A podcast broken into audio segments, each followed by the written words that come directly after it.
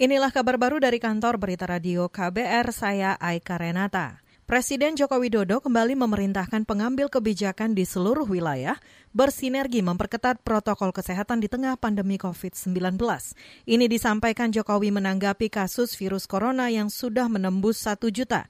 Selain itu, Presiden juga mengingatkan pentingnya penguatan 3T, yakni pengetesan, pelacakan, dan perawatan pasien. Harus ada sinergi antar elemen mulai dari struktur paling atas di provinsi, gubernur, bupati, wali kota, sampai ke level yang bawah, kepala desa, RT dan RW, semuanya harus dilibatkan agar yang namanya disiplin protokol kesehatan betul-betul bisa kita perkuat. Jokowi mengatakan penerapan 3T dan disiplin 3M merupakan hal yang berjalan beriringan dengan program vaksinasi massal di tanah air. Kemarin, saudara angka positif COVID-19 di Indonesia menembus 1 juta kasus. Pandemi sudah melanda Indonesia selama hampir satu tahun.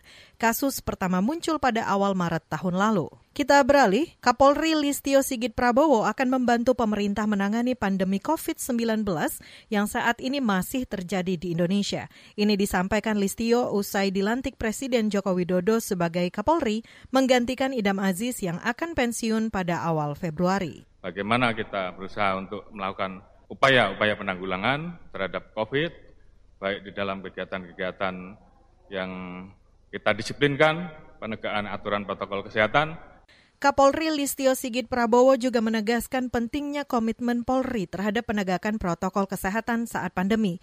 Menurutnya, keselamatan masyarakat adalah hukum tertinggi yang harus dijaga.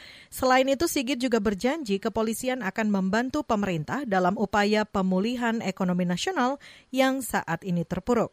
Kita beralih ke informasi lainnya. Pemerintah Selandia Baru bakal menutup seluruh perbatasan selama setahun jika pandemi virus corona belum berakhir. Mengutip Reuters, Perdana Menteri Selandia Baru Jacinda Ardern dalam jumpa pers hari ini mengatakan virus masih beresiko menyebar di seluruh dunia. Selain itu penutupan dilakukan lantaran belum adanya kepastian vaksin tiba di Selandia Baru. Menurut Ardern, Pemerintah Selandia Baru belum bisa memperkirakan kapan akan membuka kembali pintu kedatangan luar negeri di bandara atau pelabuhan. Saat ini Badan Pengawas Obat Selandia Baru MedSafe masih menguji keamanan vaksin corona buatan Pfizer dan BioNTech. Pesanan vaksin tersebut diperkirakan bakal tiba di negara itu pada April mendatang. Demikian kabar baru dari kantor Berita Radio KBR, saya Aika Renata.